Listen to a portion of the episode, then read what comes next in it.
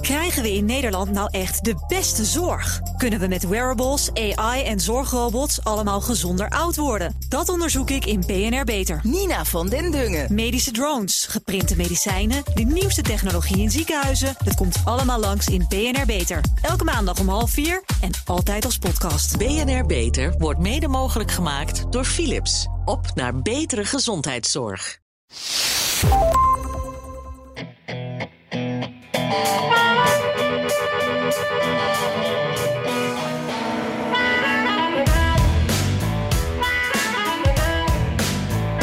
Bij een speciale town hall van CNN werd Donald Trump er nog eens aan herinnerd. Hij moet 5 miljoen dollar aan smartengeld betalen aan E. Jean Carroll. Een journaliste die hem had beschuldigd van verkrachting en smaad. Volgens Trump was de rechtszaak oneerlijk en is Carroll een whack job. Hij kent die vrouw helemaal niet. They did. They said he didn't rape her. And They did I didn't do anything did. else either. You know what? Because I have no idea who the hell she is. But Mr. President, I don't know can, who I, this woman can I is. ask you, given your recounting I your don't know version? who, and, and I tell you this. But, Mr. President, Are you ready? can I- can I- and I can I swear ask on my because- children, which I'd never do. I have no idea who this woman. This is a fake story, made up story. En het publiek, bestaande uit republikeinse kiezers uit primary staat New Hampshire, moest er hartelijk om lachen. Hij gaat in hoger beroep, dus de zaak krijgt nog een lange staart. Wat betekent dit nou allemaal voor presidentskandidaat Donald Trump? We zetten het allemaal op een rijtje. Dit is aflevering 179 van de Amerika-podcast. Mijn naam is Bernard Hammelburg. In de studio met een beker koffie.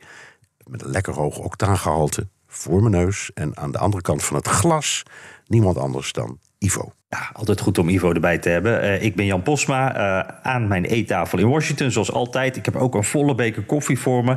Eh, dat octaangehalte, ja, dat moet ook wel wat hoger hier. Want ik ben nog een beetje aan het bijkomen. En met mij de rest van deze stad ook, volgens mij. Van die town hall waar jij het net al over Ja. had. Echt het gesprek van de dag. Ja, vertel Jan, hoe was het?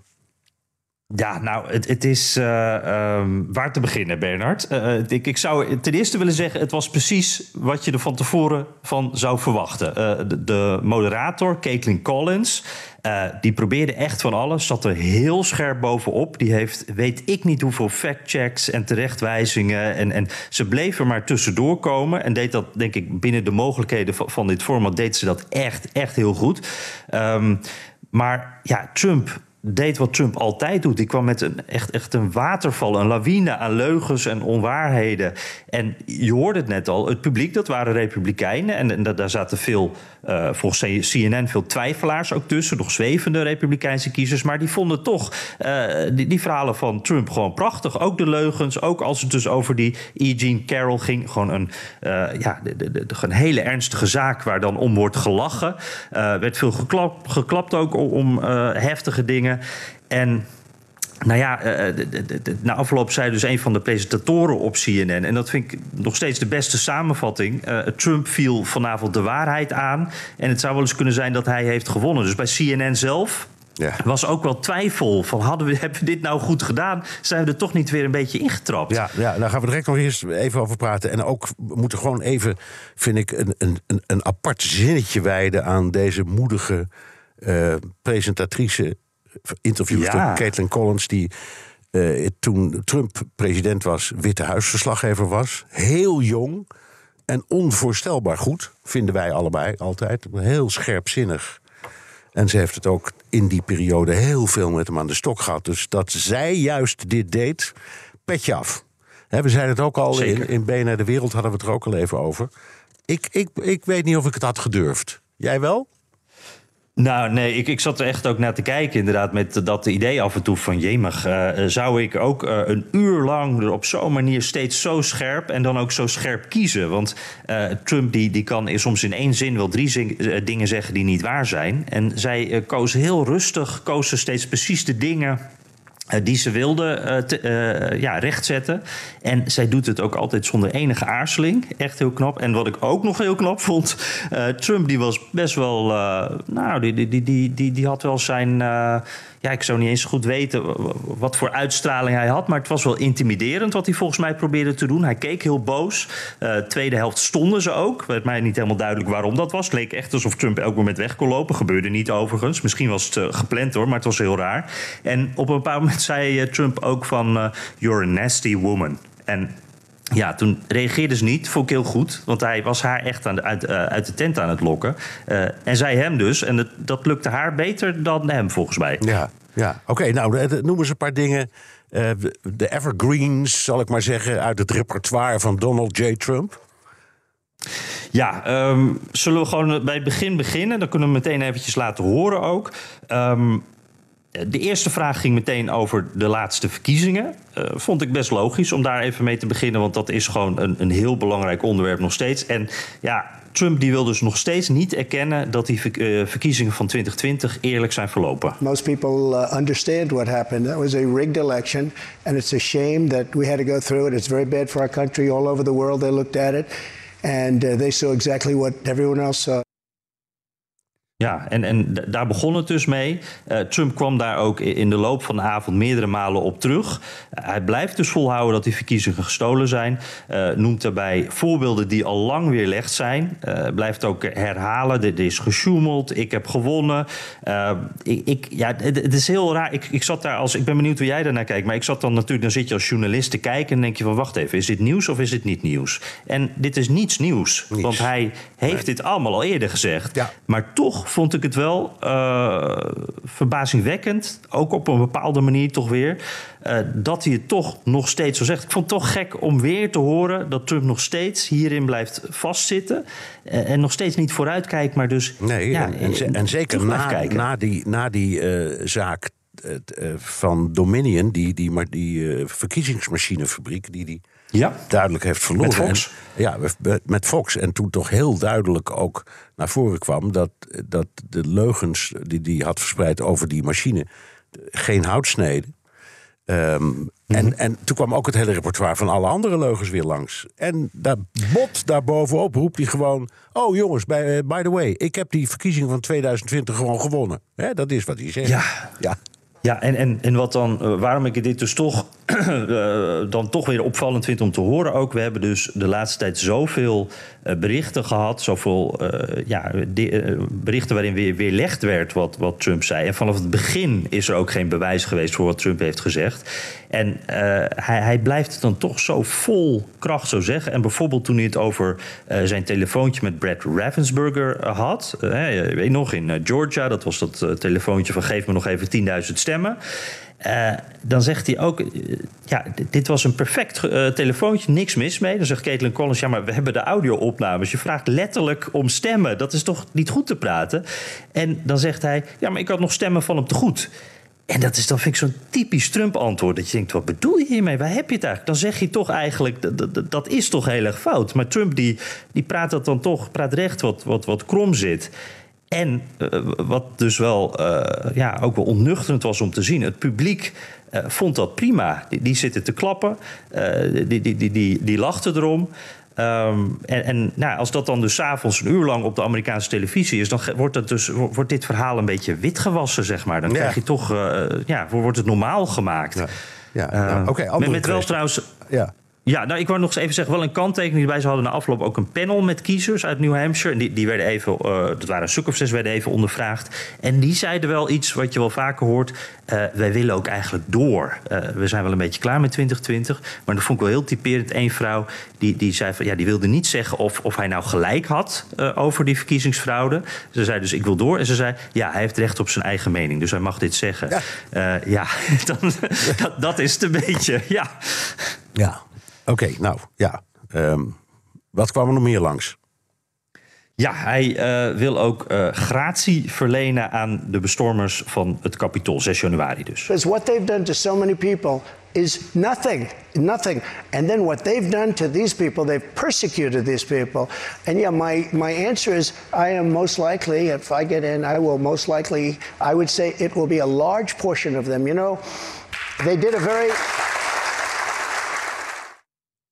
En weer dat applaus, Bernard. Weer dat applaus. Ja. Uh, en, en, hij vertelt dus van. Nou, uh, 6 januari viel wel mee eigenlijk. Dat, dat is een beetje de, de boodschap in algemene zin. Uh, er waren mensen die met liefde in hun hart naar Washington kwamen.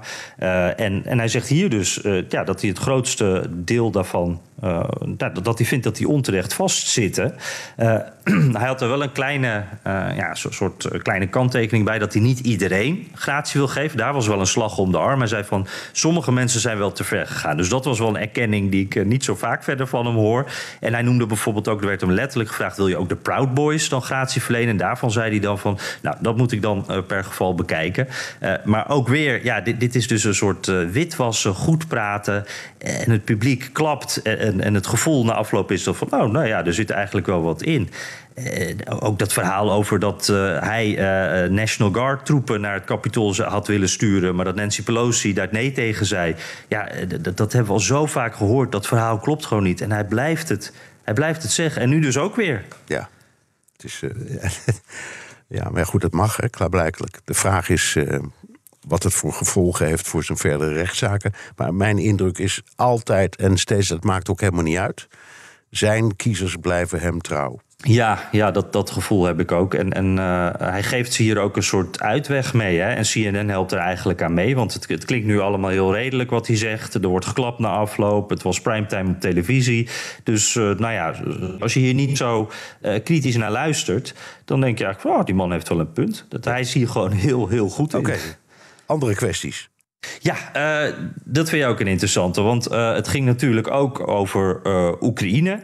En daar werd hem ook gevraagd van, ja, welke kant kies je dan? Wie, wie wil jij dat gaat winnen? moet dat Oekraïne worden of Rusland? En toen bleek, hij wil geen kant kiezen.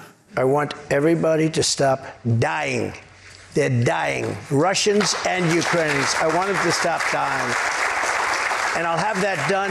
I'll have that done in 24 hours. I'll have it done. You need the power of the presidency to do it. But you but, won't say that you want Ukraine to win. You. You know what I'll say? In, I'll say this. I want Europe to put up more money because they're in for 20 billion. We're in for 170, and they should be. And they should the equalize. They have plenty of money. Ja, en ik denk, Bernard, dit, dit is een, een boodschap en ook wel een waarschuwing voor Europa. Dat, dat er echt wel wat gaat veranderen mocht Trump deze verkiezingen winnen. Ja, en dan uh, werd er ook gesproken over. Um, ja, wie nou eigenlijk fout is daar. Hè? En, en eh, hoe, hoe reageerde hij daar nou op? Omdat hij ja, hem in het verleden altijd um, werd verweten, of trouwens, hij was er trots op, dat hij met die Poetin wel wat heeft of had.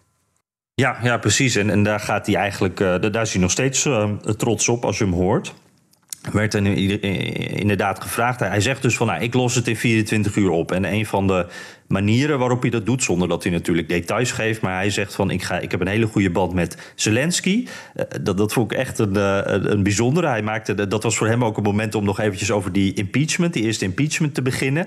Hè, die er natuurlijk was omdat... Um, Trump Zelensky onder druk zetten. Die zei van je moet, uh, je moet de Bidens onderzoeken, uh, hun werk in Oekraïne en anders krijg je geen wapens. Dit was nog voor de oorlog natuurlijk. Uh, dus dat was wel een bijzonder moment dat hij Zelensky op die manier even noemde. Want ik weet niet hoe Zelensky over die relatie denkt. Um, en hij zegt dus ook, ja, Poetin, daar kan ik het ook heel goed bij vinden. En toen werd hem gevraagd van, ja, maar er gebeuren natuurlijk allemaal vreselijke dingen. Rusland is dat land binnengevallen. Um, is Poetin een oorlogsmisdadiger? En ja, dat wil hij dan niet zeggen, omdat hij dus nog met Poetin wil onderhandelen. I think it's something that should not be discussed now. It should be discussed later. Because right now we have to get a war. If you say he's a war criminal, it's going to be a lot tougher to make a deal to get this thing stopped. Because if he's going to be a war criminal, where people are going to go and grab him and execute him, he's going to fight a lot harder than he's fighting, you know, under the other circumstance. Uh, that's something to be discussed at a later date. Ja, en, en Bernard, ik, ik, uh, ja, vanuit zijn gedachtegang, hij bekijkt alles altijd natuurlijk heel erg als een zakenman, als, als transactioneel ook. Uh, hij bekijkt dit dus heel zakelijk. Hij zegt van, uh, ja, ik wil met die man onderhandelen. En dat kan ik niet doen als ik hem dan eens een, een, een oorlogsmisdadiger ga noemen. Um, nee, en inhoudelijk klopt het ook. Het, wat hij zei, tegelijkertijd. Wel, het, inhoudelijk klopt het ook wel een beetje wat hij zei. Want hij zei: want als je dat doet, dan, dan, dan is hij dus. Nou ja, dan, dan moet hij worden opgepakt en gearresteerd en zo. Dat is niet handig als je over vrede wil praten.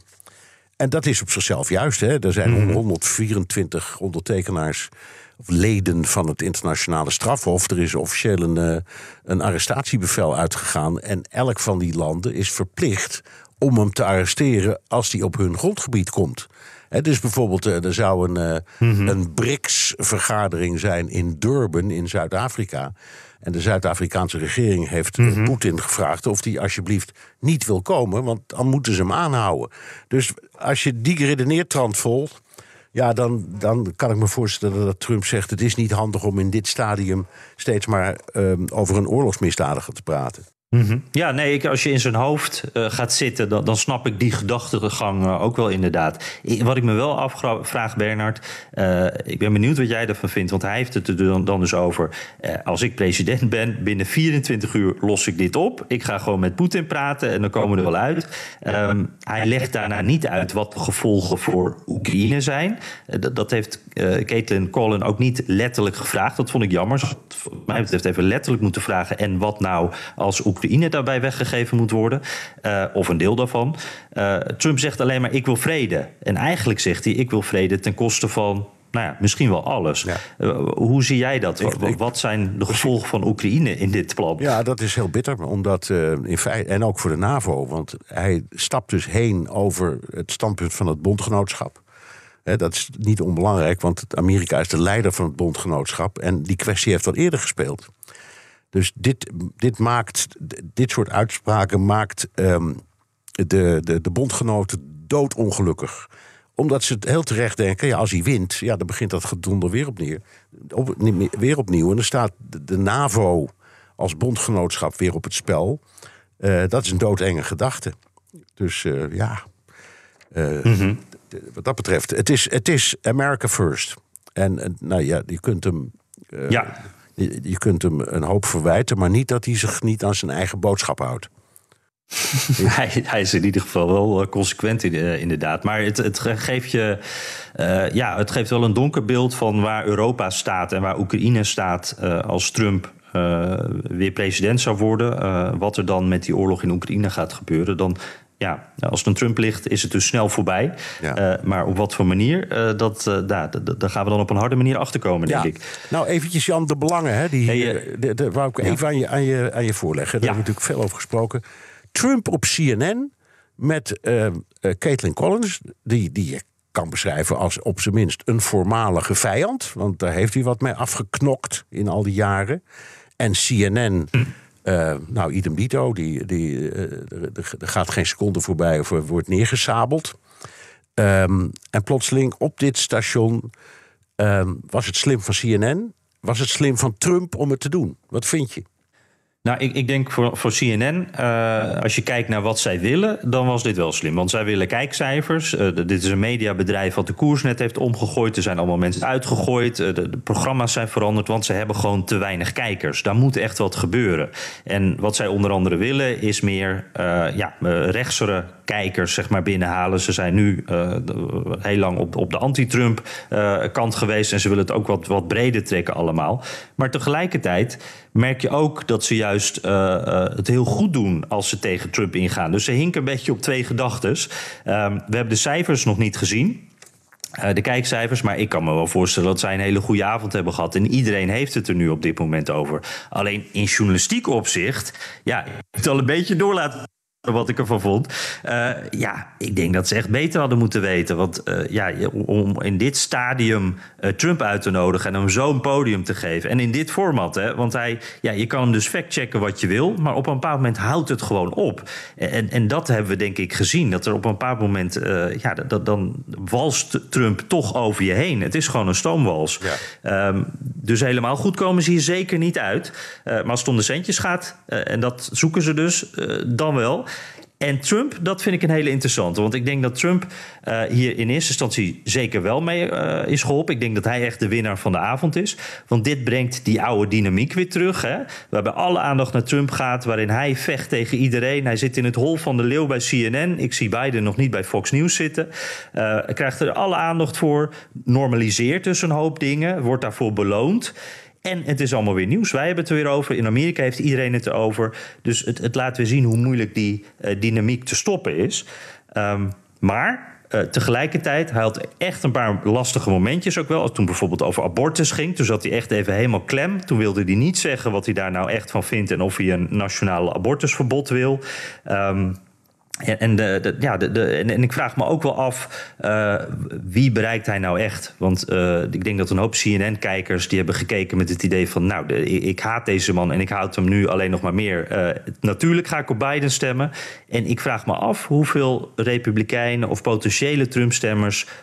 naar CNN zijn gegaan hiervoor. Dus ja... Nou ja, en dan zit er nog Beetje wat. genuanceerd. Ja, en, volgend, en de verkiezingen duren nog even. Hè? Dat is ook iets. Dit, dit is, dit is Ja. een, een piek in de aandacht en terecht. Maar ja, je praat over november volgend jaar, zeg. Nou, dan, Nog meer dan 500 dagen. Zo is dat. Het duurt, dat gaat, het, ja, ja. Dus, eh hey, en dan, eh, ja, moeten we toch even naar, de, naar die, vind je niet? Even naar eh, eh, de, de kwesties die, die speelden, hè? Die, eh die columnist. De rechtszaak. Ja, E-Jen Ja. eh, Carroll. Moeten we even induiken, want het was niet niks wat daar gebeurde. Ehm, zij beschuldigde hem ervan dat hij er 30 jaar geleden of daaromtrent eh, had ontmoet. Eh, en eh, bij, een, bij een beroemde warenhuis. En dat, hij, dat ze aan de praat raakte en dat hij zei dat hij advies wilde bij het, het kopen van onder, ondergoed voor zijn vriendin. En dat leidde er dan weer toe dat zij een pashokje inging. En daar zou hij er hebben verkracht. Eh, de jury, die, eh, die, die overigens binnen drie uur klaar was met beraad, wat, wat een record is, die zei: verkrachting, dat is niet bewezen wat ons betreft, maar wel een seksuele aanval of ernstige aanranding en een lastercampagne. Dus dat is niet niks. Nee, zeker niet. Dit is, eh, ja, het, het blijft iets heel raars om dat in één zin te zien met een voormalig. Pardon, een voormalig president en, en een huidige presidentskandidaat voor, voor de komende eh, verkiezingen. Eh, dat het dan gaat over eh, seksueel eh, misbruik, zo, zo noemen ze het dan. Eh, en ja, verkrachting is dus niet bewezen, maar wel seksueel misbruik en, en laster. En 5 miljoen dollar, dat is toch ook niks, niet niks. Ehm, het blijft natuurlijk een, een, moeilijk iets, hè, want dit is iets wat heel lang geleden is gebeurd. Ehm, zij kan dit doen omdat de New Yorkse wet eh, is veranderd, waardoor de verjaringstermijn eh, werd verlengd. Zij heeft ook meteen, ik geloof minuten nadat dat gebeurde, heeft ze deze zaak eh, ingediend.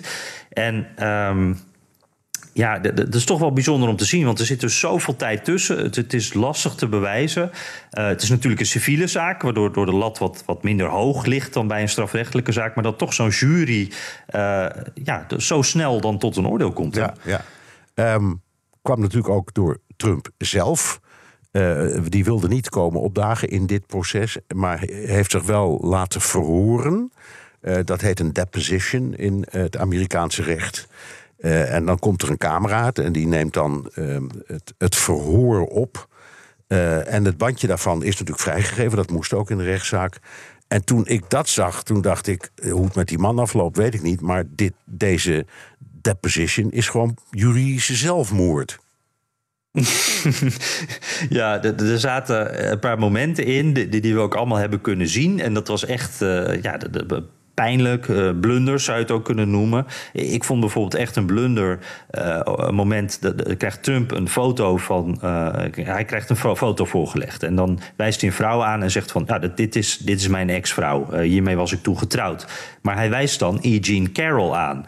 En waarom is dat nou een blunder? Eh, Trumps verweer onder meer is altijd geweest... eh, die Jean, E. Jean Carroll, dat is niet mijn type. Eh, ik zou daar haar nooit verkracht kunnen hebben... want eh, eh, ja, ze is gewoon mijn type niet. En dan haalt hij dus zijn toenmalige vrouw...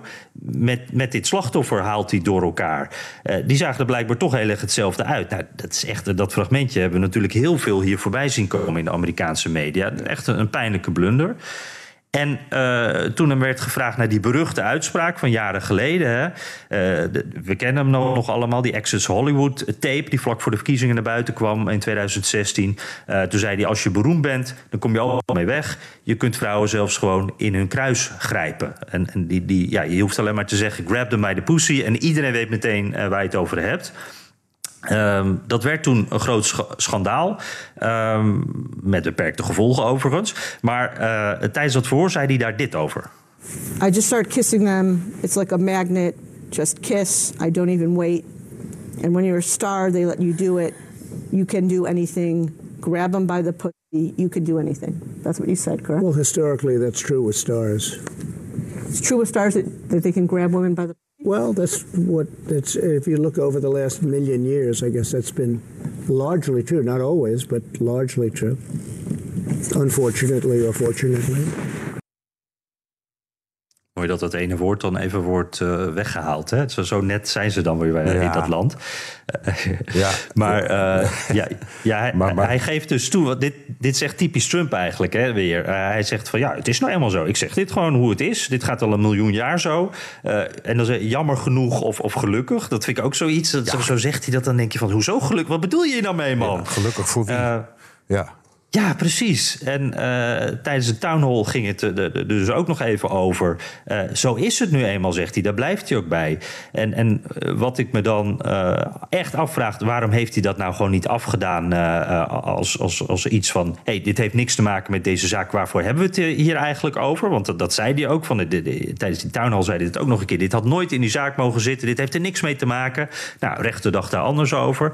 En ik denk, Bernard, dat hij denkt... ik vind dit gewoon echt. En dit was toen natuurlijk opscheppen. En ik denk dat hij daar eigenlijk nog steeds wel een beetje trots op is. Dat hij de beroemde man is ja, die alles kan doen. En ondertussen zegt hij van ja, maar ik heb het niet over mezelf. Nee, maar als hij, als hij dus had gezegd, inderdaad, denk ik ook van ja, sorry, maar dat heeft er niks mee te maken. Dan had de aanklager opnieuw, of de, de advocaat van de tegenpartij opnieuw gezegd.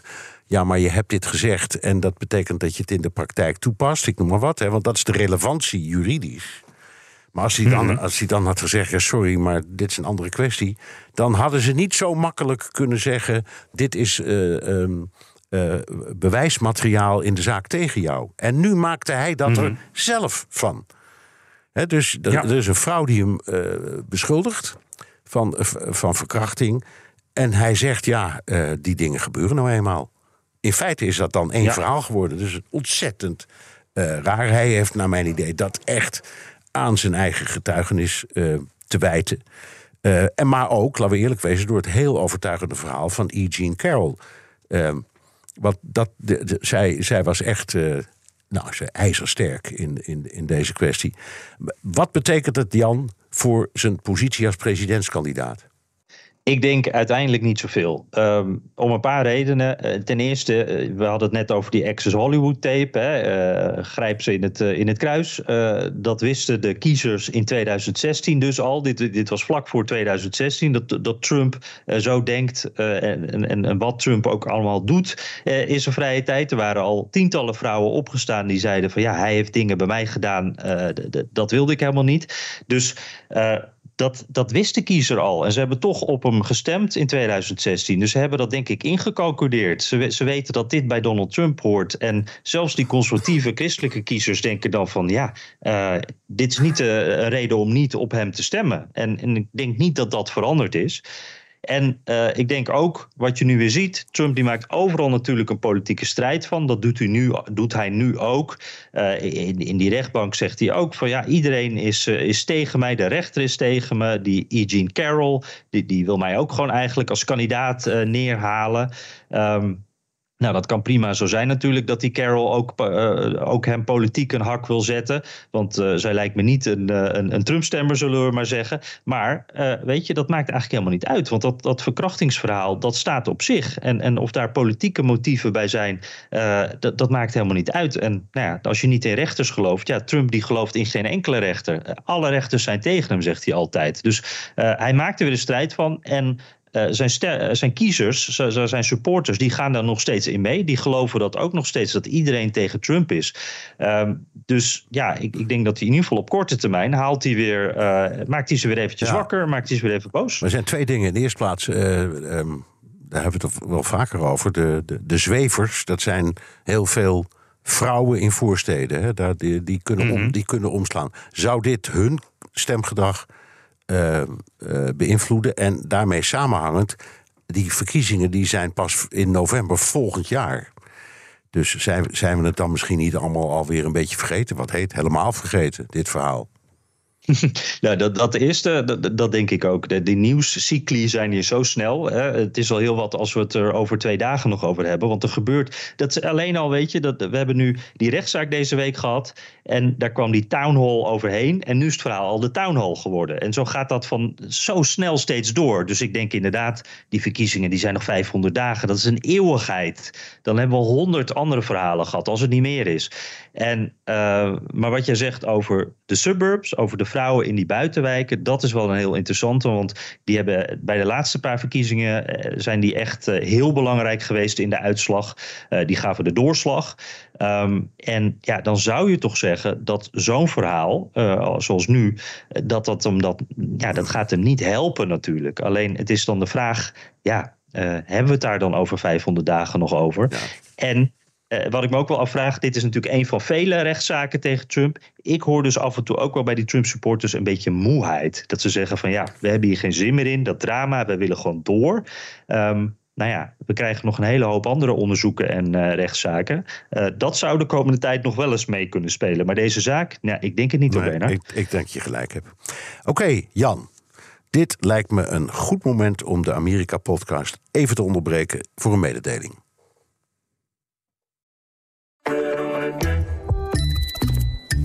Het Eneco Klimaatreport van deze week komt uit Amsterdam. Ik ben Pascal en ik sta hier met de oprichter van Wikkelhuis op de werkplaats. Oep, wat zie ik hier? Ja, je ziet allemaal huisjes. En welke rol speelt energie-efficiëntie in jullie ontwerp- en bouwproces? We bouwen alleen maar met hernieuwbare materialen. Maar het leukste is dat we eigenlijk uh, zonne-energie gebruiken voor onze elektriciteit. We hebben duizend zonnepanelen op ons dak van de werkplaats. Duizend zonnepanelen, dat zijn er een hoop. Ik kan me voorstellen dat er veel stroom vanaf komt. Ja, er komt een enorme bak met stroom uit. En soms in de zomer is dat ook te veel. En daarom werken we samen met uh, Eneco, met het uh, opwek optimaal systeem. En wat doet dat systeem? Een soort dimmer. Dat als er te veel stroom is, dat je dat zeg maar wat terug reguleert, zodat er geen netcongestie ontstaat. Want dan zou alles vastlopen. Uh, juist de balans op het energienetwerk. Ja, precies. En zo werkt Wikkelhuis samen met Eneco aan klimaatambities. Is het ook iets voor jouw bedrijf? Check dan eneco.nl slash klimaatambities.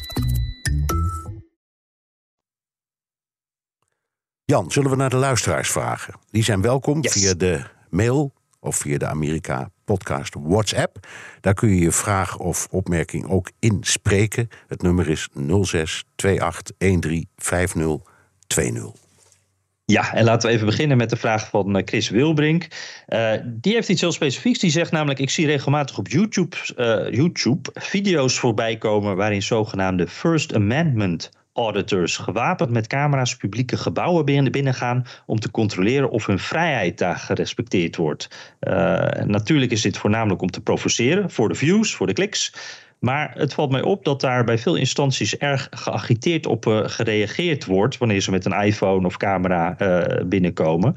Uh, ja, waar komt dit gedrag toch vandaan? Ik heb hier in Nederland nog nooit zoiets meegemaakt. En ik eigenlijk ook niet, Bernard. Maar ik zie die filmpjes ook wel eens voorbij komen. Ja, ik ook. En ik weet eigenlijk niet um, hoe dat nu precies zit. Want wat is nou de definitie? Hij, Chris heeft het over publieke gebouwen. Um. En daar is het heel schimmig, uh, want uh, ook in Amerika geldt dat zodra je ergens een deur binnenloopt, ook als het een publieke ruimte is, mag je niet zomaar meer filmen. Dan moet je eerst toestemming gaan vragen. Dus alles wat je buiten kunt doen, buiten op kan nemen, als iemand zo'n gebouw uitkomt, ik noem maar wat, vanaf dat moment kun je filmen wat je wil. Daar kan niemand iets tegen doen. Maar binnen is het anders. En dat speelt bijvoorbeeld als mensen een interview willen maken met, laten we zeggen, iemand die in een ziekenhuis ligt. Dan moet je altijd even toestemming vragen, hoewel een ziekenhuis een publieke plaats is, um, om te mogen filmen. Dus ik, mijn gevoel zegt dat het niet mag. En dat daarom mensen uh, boos worden.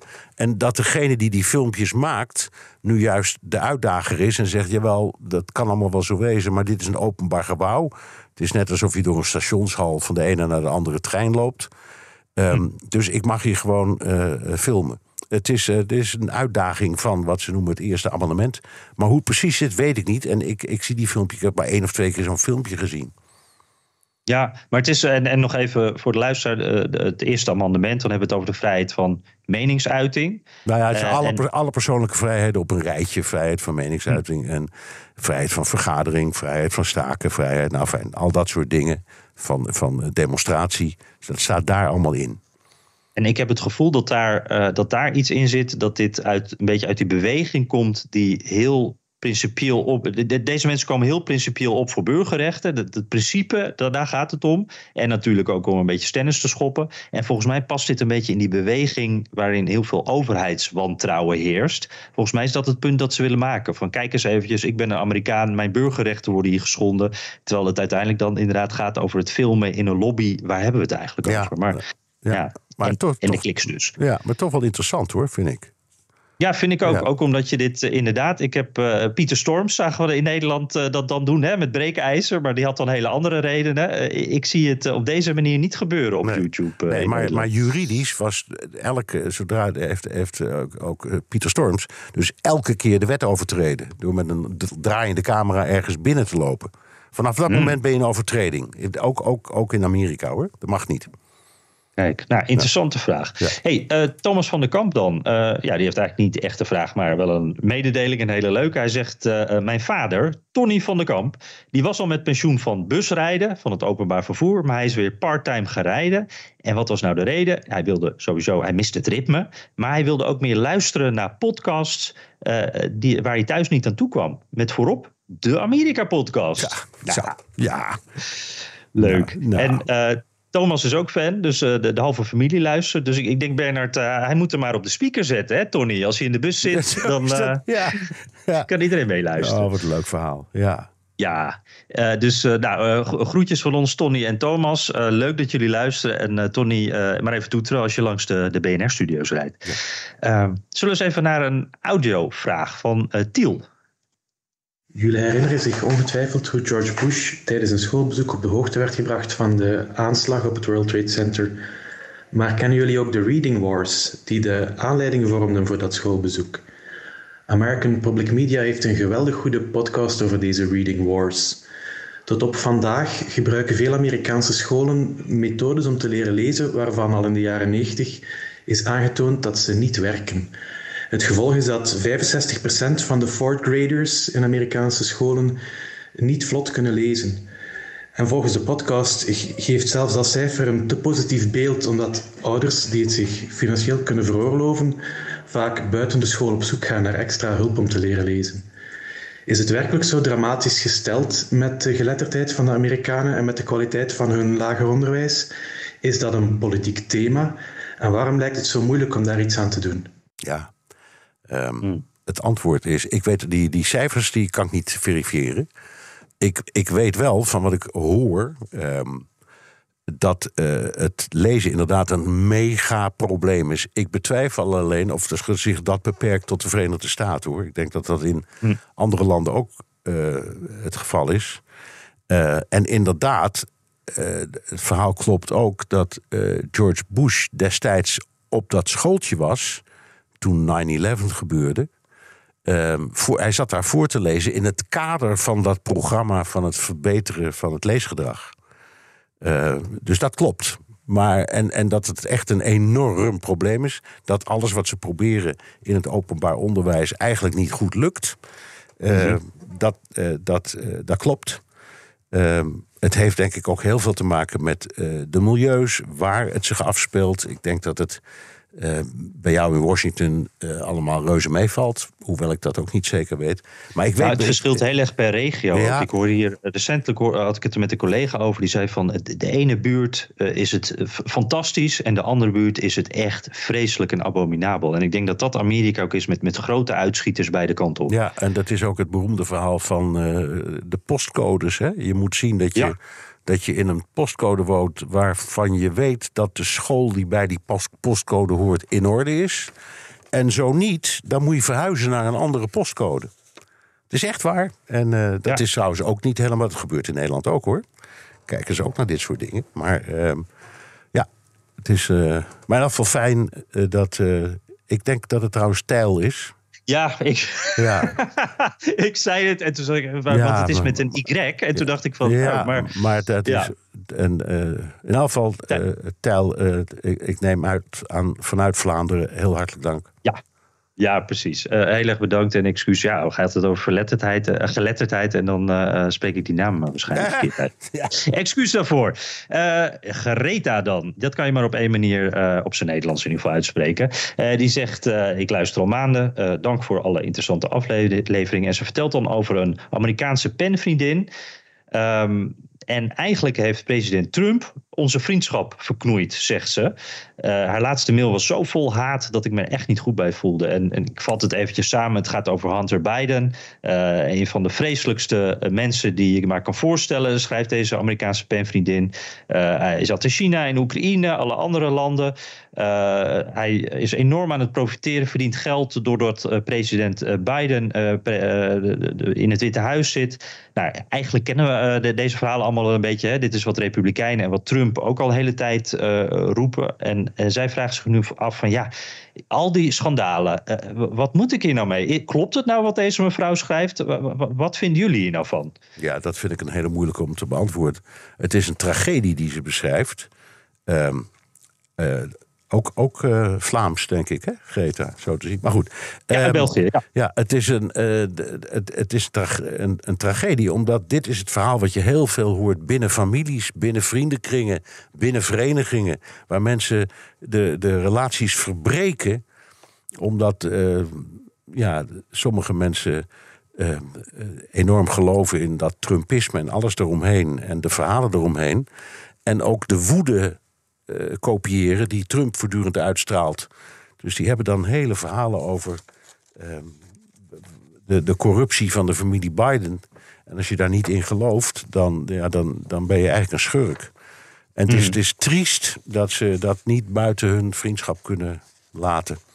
En dat ze niet gewoon zeggen, joh, laten we het over hebben. Ik, ik heb een vriend die zegt dat in zulke gevallen moet je voorstellen om alleen maar over het weer te praten. Ehm, maar er is, is wel wat voor te zeggen. Eh, ze zou eigenlijk zou ze moeten zeggen, joh, laten we nou niet praten over de, de politiek. Ehm, er zijn voldoende andere dingen. En Amerika is een land dat niet alleen maar bestaat uit meneer Biden en meneer Trump, gelukkig. Maar goed, dan moet je, dan moet je wel kunnen, willen. En Ja, het is een geloofsstrijd eigenlijk, hè? Ja, Zo'n dat- beetje. dat is Je gelooft het toch niet? nee, nee. Ja. Nou. En, en eh, ik zou willen zeggen, eh, Greta, luister ook nog even naar eh, de rubriek die ik altijd in Bernards programma BNR De Wereld heb. Daar zijn we deze keer ook even ingegaan kort op de laatste beschuldiging van de Republikeinen. En ja, ik zie daar wat ik eigenlijk heel, heel vaak zie. Er wordt een hoop met modder gegooid. Hunter Biden is het favoriete onderwerp van de Republikeinen. Als je het over Hunter Biden hebt, dan hoef je het niet over andere dingen te hebben, zoals beleid bijvoorbeeld. Dingen die je leven echt kunnen verbeteren. En ik heb zelf wel het gevoel, het klinkt allemaal schimmig dat die Hunter Biden eh, geld heeft verdiend eh, op een niet-ethische manier. Dat, geloof ik eigenlijk wel. Ik moet zeggen, ik zie eh, in Washington heel veel schimmige dingen gebeuren met familieleden van politici die de zakken vullen. Ehm, maar het is dan ook de vraag. Is dat illegaal eh, wat, gedaan wordt? Eh, heeft, eh, heeft de president ermee te maken? Is ook heel belangrijk, want Hunter Biden is niet onderdeel van het Witte Huis natuurlijk. Nou, dat, dat zijn allemaal dingen, daar heb ik nog geen antwoord op gekregen. En daarom ben ik daar ook in ieder geval heel terughoudend mee. Want we staan overal voor open. En als er bewijs is dat, dat Joe Biden wat verkeerd heeft gedaan, dan gaan we het er uiteraard over hebben. Maar dan willen we wel dat bewijs zien. Eh Bernd, ik ben een beetje de tijd kwijt. Ja, ik weet eigenlijk niet hoe lang wij al We aan gaan, praten we zijn. gaan, we gaan het aan Ivo vragen. Ivo, hoe, hoe lang loopt deze opname nu? Ivo zegt, we, zit- we Oké. zitten rond een uurtje. Ja, eh, volgens mij is dat dan uiteindelijk eh, iets van. Zitten we nu bijna op drie kwartier, denk ik. Ja. Eh, nou ja, zullen we hem hier gewoon maar mee afronden? Ja, laten we dat doen. Ehm, we hadden een klein beetje probleem bij de opname. Dus daarvoor excuus mocht de luisteraar er iets van horen. Ik denk het niet, want Ivo kan dat geweldig eh, wegmoffelen. Maar in afval, uh, dit was hem. Terugluisteren kan via de BNR-site, Apple Podcast of Spotify. Heb je vragen, opmerkingen, kritiek of complimenten... dan kan het ook met een tweet naar Jan Postma USA... of BNR De Wereld of heel ouderwets... met een mailtje naar dewereld.bnr.nl. En je kunt je vragen ook inspreken of intikken... op de Amerika-podcast WhatsApp. Het nummer is 06 2813 5020. Ja, ik kreeg nog een eh, berichtje deze week van Michael. Die heeft eh, de, de laatste keer de, de mok gewonnen. En die is dus onderweg naar hem. En daar is hij heel blij mee. Dus wil jij uh, ook een mok winnen, net zoals Michael, zet dan ook je naam en adres er even bij, zoals hij dat heeft gedaan. Wat wij de leukste, de grappigste, de beste, wat dan ook vraag vinden. ja, die wint die mok volgende keer. Dus laat dat even weten. En voor nu zeg ik dan, Bernard, tot volgende week. Tot volgende week, Jan.